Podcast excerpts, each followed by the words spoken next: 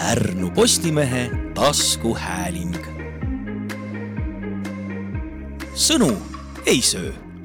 tere, head kuulajad, oleme salvestamas Pärnu Postimehe taskuhäälingut Sõnu ei söö. tänaseks saatekülaliseks on terviseameti Lääne regionaalosakonna juhataja Kadri Juhkam ja mina olen Pärnu Postimehe ajakirjanik Merle Rallmann. võtame jutuks viirused, mis on saanud Covid-19 viirusest, millised uued viirused meid ähvardavad. räägime natukene vaktsineerimiseks ja saate lõpus käsitleme ka suplusvee kvaliteeti Pärnu randades. nii, Kadri Äh, pole mitu aastat kohtunud. Äh, mis seis meil siis nüüd kaks aastat peale suuri piiranguid ja, ja maski kandmist äh, Covidiga on? kas ta on veel ohtlik, võime selle ära unustada, maskid ära visata? Mis seisukoht Terviseametil on? tere kõigepealt. minu hinnangul on Covidiga praegu olukord ikkagi suhteliselt rahulik et selliseid uusi ja ohtlikke tüvesid meil tulnud ei ole. Äh, muidugi viirus äh, pidevalt muutub, noh, kõik viirused sellised ongi pidevas muutumises aga, aga noh, nii-öelda täiesti me seda ohtu veel kõrvale lükata ka ei saa, et mine tea, mis suunas see viirus lõpuks ikkagi muutumas on. Kas äh, võib siis öelda, et ta muutus äh, vähem agressiivsemaks või mismoodi see viirus siis äh, nii-öelda ennast koomale või tagasi tõmbab? mis talle äh, mõjub? Covid viiruse puhul me võime praegu väita seda, et, et uute tüvede tekkimine ja siis see viiruse muutumine äh, suurendab selle viiruse kohanemisvõimet ja levikut ja samas nii-öelda muu, muutub see viirus järjest leebemaks. aga kuna nii-öelda see muteerumine viirustel võib minna mingi hetk hoopis teises suunas kuskil populatsioonis, siis me täiesti välistada seda ei saa, et mingi hetk võib tulla jällegi üks uus äh, ja selline raske tüvi mm. -hmm. aga äh, me ei saa üle ega ümber sellest, et äh, teatud siis siht, sihtrühmadele siiski antakse ikka veel soovitust vaktsineerida, on see, olen ma õigesti aru saanud? Äh, jah, see on täiesti tõsi, et äh, inimesed, äh, kellel on kaasuvad haigused, sinna gruppi kuuluvad enamasti eakad. muidugi on haigusi või selliseid kroonilisi kaasuvaid haigusi ka lastel, tavalist nii-öelda täiskasvanutel. Aga üldine soovitus vaktsineerimiseks ikkagi on eakatele üle kuuekümne aasta ja kaasuvatele haigustele kõikides vanusegruppides Mhm. kas see vaktsiin on jätkuvalt kõikidele tasuta, nagu ta seni oli? jah, vaktsiin on tasuta ja minu teada ta peaks ka selleks jääma praegu mm. -hmm, sest noh, gripivaktsiini eest me ju ikkagi peame ise maksma, kui me tahame või, või tööandja.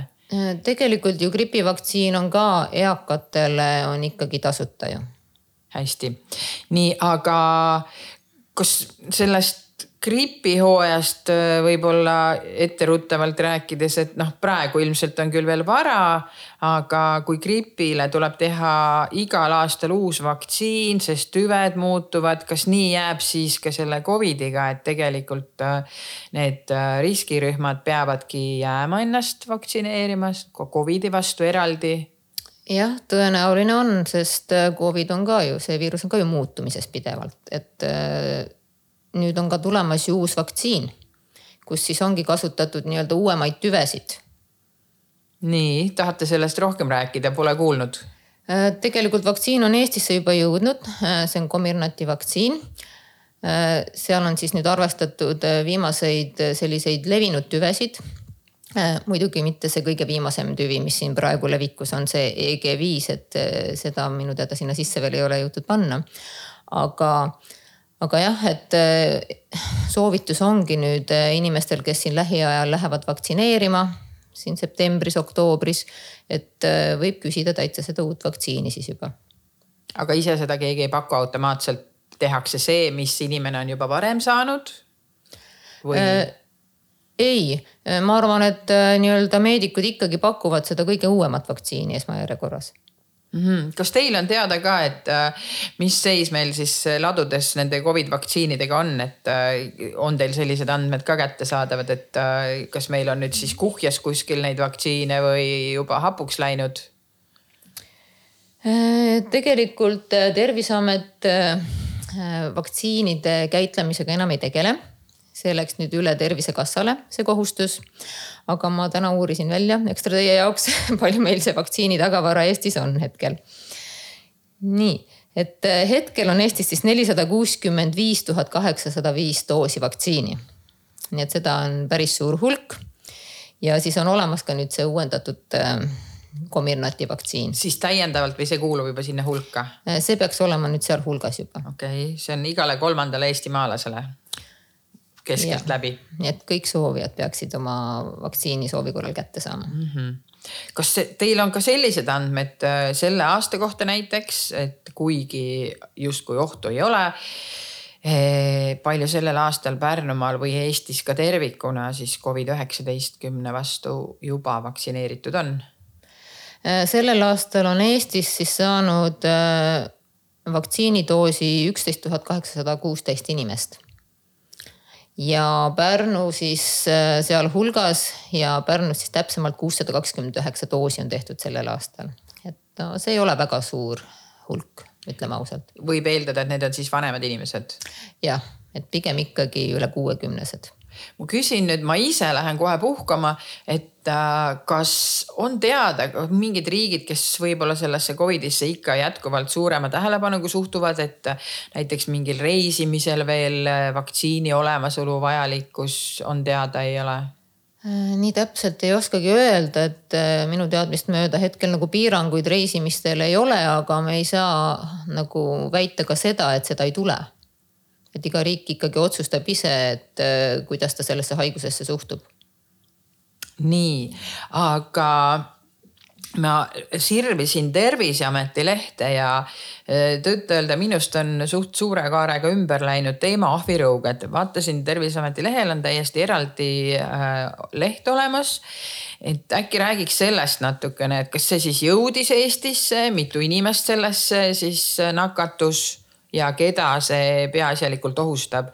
nimi on ju päris hirmuäratav äh, jah, et iga uus nii-öelda haigus ju ehmatab meid esialgu ära. aga ahvirõugetega Eestis äh, nii-öelda on lood sellised, et eelmisel aastal tuvastasime me üksteist haigusjuhtu. sellel aastal ühtegi haigusjuhtu ei ole olnud. aga ohustatud grupp on ikkagi eelkõige nii-öelda seksuaalsuhteid äh, omavad meesterahvad. nii, et naisi see siis ei puuduta äh,? nii öelda ei saa äh,. samuti võib ka see nii-öelda jõuda naisteni, aga rohkem levib ta ikkagi jah, et äh, mees-mees nii-öelda seksuaalsuhetes. kas selle äh, ahvirõugetele on vaktsiin või noh, on erinevaid haiguseid, äh, mõnede vastu ju vaktsiini polegi, noh näiteks malaaria selline levinud Aasias, et äh, kus on tabletiravi. kuidas selle, nende rõugetega on? tegelikult on vaktsiin täiesti olemas ja vaktsiini me soovitamegi nii-öelda inimestel, kes on olnud lähikontaktis haigestunuga ja soovitame ka näiteks meedikutele, kellel on suurem nii-öelda oht nakatuda, kui nad nii-öelda tegelevad äh, sellise konkreetse haigega. laboritöötajatele suure nii-öelda soovitame, kes äh, nii-öelda määravad neid analüüse, kus kas seda see, viirust võib olla. vabandust, ma nüüd segan, kas see levib siis ka ikkagi läbi õhu või läbi vere, on see piisknakkus? Ta ikkagi läbi või levib läbi või nii-öelda kehavedelike kaudu ja vere kaudu mm, -hmm. et ta ei ole piisknakkus mm. -hmm. nii, et põhimõtteliselt tegelikult võiks öelda, et see toodi siis ju välismaalt sisse, see ei olnud kuskil siin Eestis mingit puhangut või kollet. jah, et need juhud on ikkagi sisse toodud juhud olnud mm. -hmm aga kui need on sellised harvad ja ebatõenäolised äh, võib-olla praegu siis äh, juhtumid või viirused, et mis, mis viirushaigused meil ütleme, et siin kõige rohkem või valdavalt siis tegelikult äh, ohustavad? Või praegu on seenehooaeg, et kas siin me võime rääkida nendest viirustest, mida kannavad edasi näiteks puugid? Jah, et ütleme nii, et siin sügishooajal kindlasti peaks arvestama seda, et meil tulevad nüüd respiratoorsed viirused. eelkõige siis hakkab rohkem levima Covid, hakkab rohkem levima gripp ja noh, see, neid respiratoorseid viiruseid on ka tegelikult oluliselt rohkem, kui me võib-olla teame. aga ka puukidega levivad viirused on ikkagi tõusutendentsis meil Eestis. kuna meie kliima on pidevas muutuses, siis me oleme täheldanud seda, et puukide arv looduses on ka oluliselt kasvanud ja aasta-aastalt ikkagi siis kasvab ka borrelioosi ja entsefaliiti nakatumine ja siin me ei saa jälle üle ega ümber sellest, et vaktsiin, vaktsiin, vaktsiin, aga vaktsiin aitab ju ainult ühe nende puhul, et borrelioosile ma tegelikult olen kuskilt nagu poole kõrvaga kuulnud, et on tulemas vaktsiin. kas see jutul on mingisugune tõepõhi all? Äh, borrelioosi vastu kunagi oli olemas ka üks vaktsiin, aga kuna sellel vaktsiinil oli liiga palju kõrvaltoimeid, siis see vaktsiin võeti kasutusest maha äh, tulemas võib olla, konkreetselt ma ei julge väita, millal see tuleb, et äh, jah, selle vastuse jään hetkel võlgu. Aga entsefaliidi vastu saab äh, vaktsineerida. Äh, see on küll tasuline vaktsiin, aga inimesed ikkagi, kes rohkem looduses käivad, kes toimetavad rohkem aias, neil kindlasti tasuks seda teha, sest entsefaliit on ka väga-väga raskem haigus, kui on borrelioos nii, mina olen äh, vaktsineeritud, mul tegelikult meenub siia kohe sihuke äh, kergelt muigega räägin, et siis, kui tulid äh, Covidi vaktsiinid, minul oli aeg teha kolmandat puugi vaktsiini ja mul oli ikka tükk tegemist, et ma seda saaks, sest et igalt poolt mulle öeldi, et me teeme praegu ainult Covidi vaktsiini. Peale kolmandat süsti, kui mitu aastat ma nüüd vahet võin üldse hoida, seal on ju nii, et peale esimest on kuu aega, siis on aasta, siis on kolm aastat, mis edasi saab? No inimesed, kes nii-öelda on rohkem ohustatud, et äh, siin on jah äh, need äh, metsas töötavad inimesed võib-olla, siis näiteks loomaarstid, kes puutuvad kokku loomadega, kellel on puugid, et nemad võiks teha täitsa üle kolme aasta jälle tõhustusdoosi. et võib-olla teistel kodanikel siis piisab juba nii-öelda sellest viiest aastast et iga viie aasta järel uuendada mm. -hmm. kas nüüd päris nende nakatunute arv on ka teada, et äh, te ütlesite, et see on kasvanud äh, ja tõesti väga palju ka ühismeedias räägitakse sellest, et on palju puuke. kas on ka kuidagi nagu üks kindel liik puuke või, või need mõlemad, mis meil on, üks on võsapuuk ja teine on? Äh, no puugi erinevaid või nii-öelda äh, liike on tõesti erinevaid, osad tulevad meile nii-öelda lõuna poolt sisse ja on liikunud järjest rohkem nagu ka nii-öelda parasvöötmesse, kus me elame. aga on ka siin varasemalt juba kohal olnud puukide liigid, et ma paraku jah, selle kohta nii detailset infot ei oska anda, et kuna ma otseselt ei tegele puukide liikide määramisega. aga kui inimene siis nüüd tõesti äh, mm, leiab, et tal on, puuk on siis juba kinnitunud ta keha külge, ma olen kuulnud ka, et äh, pöördutakse näiteks äh, siis EMO-sse. et tegelikult see ei ole ilmselt ju ka EMO case, et äh, lihtsalt tuleb ise eemaldada ja ennast jälgida, on nii? jah, et EMO-sse ma nüüd küll ei soovita pöörduda puugi nii-öelda hammustuse puhul mm. -hmm. aga mis see pruugiviiruse puhul, mis need halvemad variandid on, et kas see on teada, et äh, lihtsalt, et inimesed hakkaks päriselt nagu tõsiselt mõtlema, et see puugivaktsiin on nagu kindlasti vajalik, et äh, teda ju võib saada ka koduõemurult tegelikult. jah, tõsi ta on. et äh, peaks arvestama ikkagi sellega, et äh, kui puuk on nakatunud entsefaliidi viirusega, siis see haigus võib halvemal juhul lõppeda surmaga või siis püsivate tervisekahjustustega. siinkohal me võime rääkida näiteks halvatusest jah, sest ta ikkagi ründab meie äh, närvisüsteemi ju.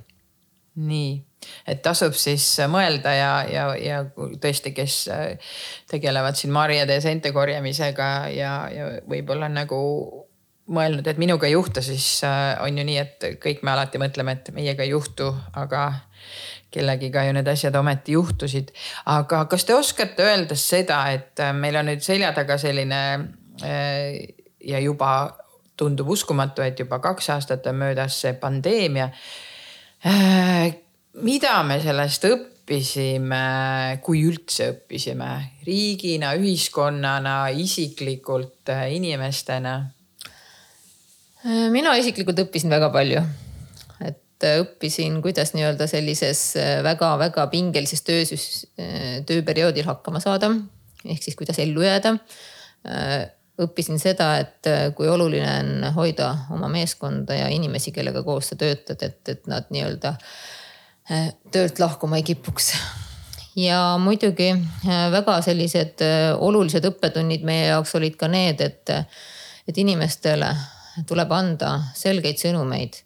et ei ole mõtet spekuleerida, ei ole mõtet ümber nurga mingisuguseid asju rääkida lihtsalt lihtsad selged sõnumid on kõige olulisemad.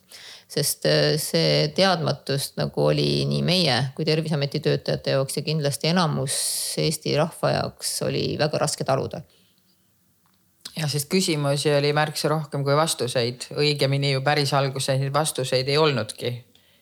et keegi ei teadnud, mida see. jah, täpselt, et, et see oli tõesti, oli raske nii, nii meie töötajate jaoks kui ka kõigi teiste jaoks, et et meil ei olnud nendele suurele hulgale küsimustele anda konkreetseid vastuseid, kuna me ka ise ei teadnud kas ma nüüd mõtlen, kas need meditsiinilised maskid, mis inimestel kindlasti on kodudes veel alles, kas, kas need aeguvad ära, need tuleb ära visata või need on ka ütleme siis, ma ei tea, viie aasta pärast veel kasulikud? kui no, peaks vaja minema. maskidel on ikkagi nende pakendi peal olemas see aegumiskuupäev no, et nad ei ole iga. juba lahti on ju siis. jah, nad ei ole igavesed, aga aga jah, kui pakk on kaks aastat lahti olnud, et äh, seal ilmselt võib olla ka mingid muud saasted lisaks sellele, et, et ta aegub mm. -hmm ja tuletan siis meelde, et maskide äraviskamisel tasub need nöörid seal lahti lõigata, et, et oli see linnu teema, kes kippusid neid üles leidma ja omal kaela riputama. aga eh, tulles nüüd selle juurde, et äh, gripp Äh, tuleb nii või teisiti, siis äh, mis kuus peaks gripi vastu vaktsineerima, et oleks siis äh, juba hooaja saabudes vaktsiin ka kinnistunud ja, ja immuunsust siis parenda, parendatud? kuna me grippi tegelikult ootame ju oktoobriks enamasti, siis äh, vaktsineerimisega võibki pihta hakata juba võib-olla septembri lõpust, oktoobri algusest. et väga vara ei ole mõtet vaktsineerida, sest muidu see vaktsiin ei kaitse nagu läbi kogu hooaja. nii äh kas mingisuguseid lisaks nüüd Covidile, kui me vaatame teoreetiliselt tulevikku, et äh, me keegi ei osanud oodata, et äh, tuleb taoline äh, siis viiruse laine, nagu ta tuli, mis siis kasvas üle pandeemiaks. kuidas teile tundub, et kas mingitel lähiaastatel võib see mõne teise tüve läbi korduda taoline hullumeelsus, nagu meil siin oli, mingid uue haiguse või siis ka uute tüvede tõttu. ma saan aru, et see on puhas spekulatsioon aga noh, praegune nii-öelda pauk tuli ka luuavarrest põhimõtteliselt. Äh, välistada ei saa. nii et see võib vabalt juhtuda, kas nüüd lähiaastatel, võib-olla kümne aasta pärast. et seda me ei tea, aga näiteks WHO-l on olemas selline termin nagu haigus X, mis siis tähendabki sellist uut tundmatut haigust, mis hakkab nagu populatsioonides väga aktiivselt levima. ja viimase paarikümne aasta jooksul on siis levinud äh, patogeenid nagu linnugripp, seagripp, äh, SARS ja, ja mõned nii-öelda hästi tuntud viirused nagu Zika viirus, Ebola viirus. et lihtsalt need viirused muudavad oma keskkonda ehk siis levivad uutesse keskkondadesse. et see on samuti oht juba lisaks nendele nii-öelda uutele potentsiaalsetele viirustele aga kas need noh, need ebolad ja sarsid, need on olnud meist ikkagi väga kaugel äh,. ja nad ei noh, olidki ikkagi suhteliselt väikesel territooriumil, eks ju, et äh, et ka Covid algas väikeselt territooriumilt, levis pauguga üle maailma, aga samas äh, need nimetatud viirused jäid ikkagi sinna väiksele alale. et mis nendes nagu teistmoodi siis on, et nad ei ole nii nakkavad siis? Äh, ilmselt on ikkagi selle viiruse selline, äh, viiruse poolt põhjustatud äh, surmade protsent suurem, kui oli Covidil. et viirus ju sureb sel juhul ju koos selle patsiendiga, keda ta nakatas. et ja ilmselt ka see kliima Eestis levimiseks ei ole nii soodne, kui on sellistel respiratoorsetel viirustel nagu, nagu on gripiviirus ja on koroonaviirus nii, tuleks siis äh, teie haldusalas on ka suplusvee kvaliteedi jälgimine ja joogivee, joogiveega ma saan aru, Pärnumaal on kõik väga hästi, suplusveega mitte nii väga. Pärnu linn on juba õige mitu aastat järjepanu, õigemini siis keskrand äh, jäänud ilma sinilipust ja seda just seetõttu, et äh, viimastel aastatel ei ole olnud vee kvaliteet piisavalt hea kas te saate anda nüüd küll suplushooaega on lõppemas ja ülevaated teie tehtud, Terviseameti tehtud proovide najal, mis seisus meie rannad siis on? Täna me saame öelda, et nelja suplushooaja analüüside põhjal siis on meil randade iseloomustamiseks olemas järgmised nii-öelda näitajad et äh, kõige parem äh, vee kvaliteet on Kabirannas. Äh, hea vee kvaliteet on Pärnu keskrannas. piisav vee kvaliteet on Vana-Pärnu rannas ja Mai rannas ja kahjuks Raeküla rand on jätkuvalt halva vee kvaliteediga ja sellel hooajal võetud äh, nii-öelda veeproovidest siis äh, me tuvastasime ükskord sooleenterokokke Pärnu keskrannas, Vana-Pärnu rannas ja Raeküla rannas, et äh, noh, seda ei saa öelda, et see väga paha oleks, see tulemus, et see tulemus on suhteliselt rahuldav. aga kuna nii-öelda randade vee kvaliteedi hindamisel võetakse arvesse nelja suplushooaja andmed, siis seetõttu on need randade nii-öelda kvaliteedinäitajad sellised kui äh, varasemalt siin kahtlustati, et äh, vesi ei ole meil korras, sellepärast et meil olid siin sajad äh, linnaveised. nüüd neid on nagu väga vähe. kas, kas siis ikkagi teie vaates nagu aasta või kahe tagant on see vee kvaliteet ikkagi paranenud või umbes samas seisus, mis toona? Ma võin öelda võib-olla seda, et võrreldes siis nüüd eelmiste aastatega, siis selle, selle aasta nii-öelda veeproovid on ikkagi olnud parema tulemusega. kvaliteedi osas just. et eelmistel aastatel meil ikkagi tuli rohkem neid nii-öelda saastunud proove mm. -hmm. aga see, et äh,, et see on koondunud, see kehvem kvaliteet on nagu pidevalt, ma saan aru, siis seal pigem Raeküla rannas äh,. kas see võib olla siis nagu on see tõestatud või tuvastatav, et see oli nende äh, veiste karjatamise tagajärg, sest ju veised olid ka Mai rannas, veised olid ka Vana-Pärnu rannas. et mis, mis selle Raeküla siis nii-öelda saaga või traagika on, et seal just, sest noh, rand on meil üks, tuuled puhuvad siia-sinna kuidas see just selles piirkonnas võib siis nii olla, on seal muud mingid reostajad? Kahtlustada võib, et seal on lisaks veistele ka olnud nii-öelda teisi reostusallikaid, aga, aga sada protsenti kindel olla ma täna ei saa. et seda ei ole nii-öelda uuritud piisavalt. et äh, siinkohal võiks teha võib-olla ka linnale üleskutse rohkem nii-öelda äh, selliseid uurimisplaane äh, võtta ette. aga jah, et seal võib olla lisaks veistele kindlasti teisi saastusallikaid nii äh, ja jätkuvalt on siis see soovitus, et Raeküla rannas, äh, noh, meil ju algab ka talisuuplushooaeg, et Raeküla rannas pigem ei soovitata ujuda. Äh, pigem mitte jah. see minu teada see vist ei ole ametlikult meie rand ka, aga lihtsalt kohalikud käivad seal. Raeküla rand on ikkagi ametlik rand, et nii et me jälgime selle vee kvaliteeti ju pidevalt mm. -hmm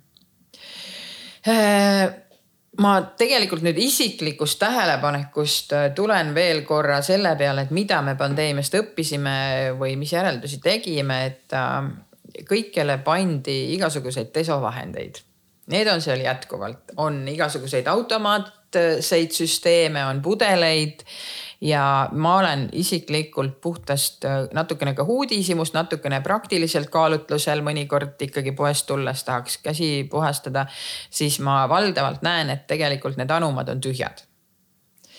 et äh, ma ise mõtlesin nagu, et äkki me õppisime ikkagi noh, ilmselt kõik õppisidki käsi pesema, aga kas, kas on nii, et tegelikult nii kui see asi on laualt maas, teema ei ole aktuaalne, siis tegelikult me oleme tagasi seal, kus me olime enne pandeemiat, et käsi ei pese ja need desovahendid seisavad seal äh, nagu tühjalt ja koguvad tolmu. kuidas teile tundub? Äh, jah, ma nõustun sellega, et inimesed unustavad väga kiiresti.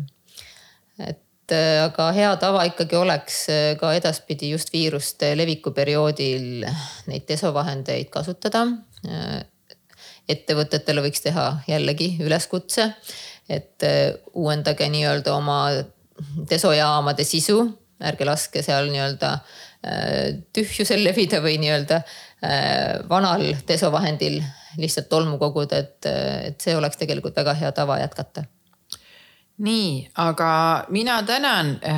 loodan siis, et ikkagi hoian sõrmed ristis, et meid sellised hullud ajad enam ees ei oota.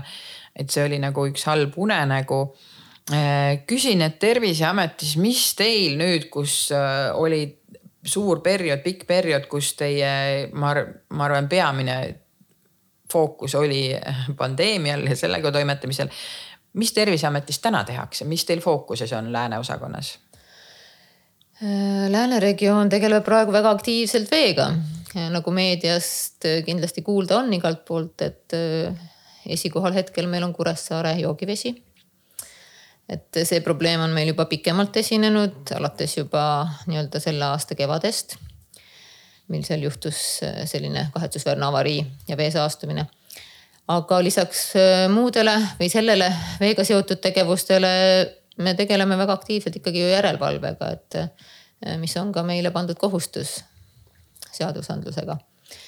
ja, ja muidugi ka nõustamisega. et kodanikud ikkagi võivad jätkuvalt meie poole pöörduda nii äh, vaktsineerimise teemadega, nii nakatumiste teemadega, et mis haigused levivad, millised ohud on ja muidugi äh, ka igasuguste iluisikuteenuse küsimustega võib meie poole pöörduda. võib äh, pöörduda vee kvaliteedi küsimustega. et äh, meil on selline päris lai teemade ring, mida me käsitleme, et. nii hästi äh,. täna olid meil saates Kadri Juhkam, Terviseameti Lääne regionaalosakonna juht ja saadet viis läbi ajakirjanik Merle Rallmann, aitäh teile kuulamast, uute uudisteni. aitäh kutsumast. Pärnu Postimehe taskuhääling. sõnu ei söö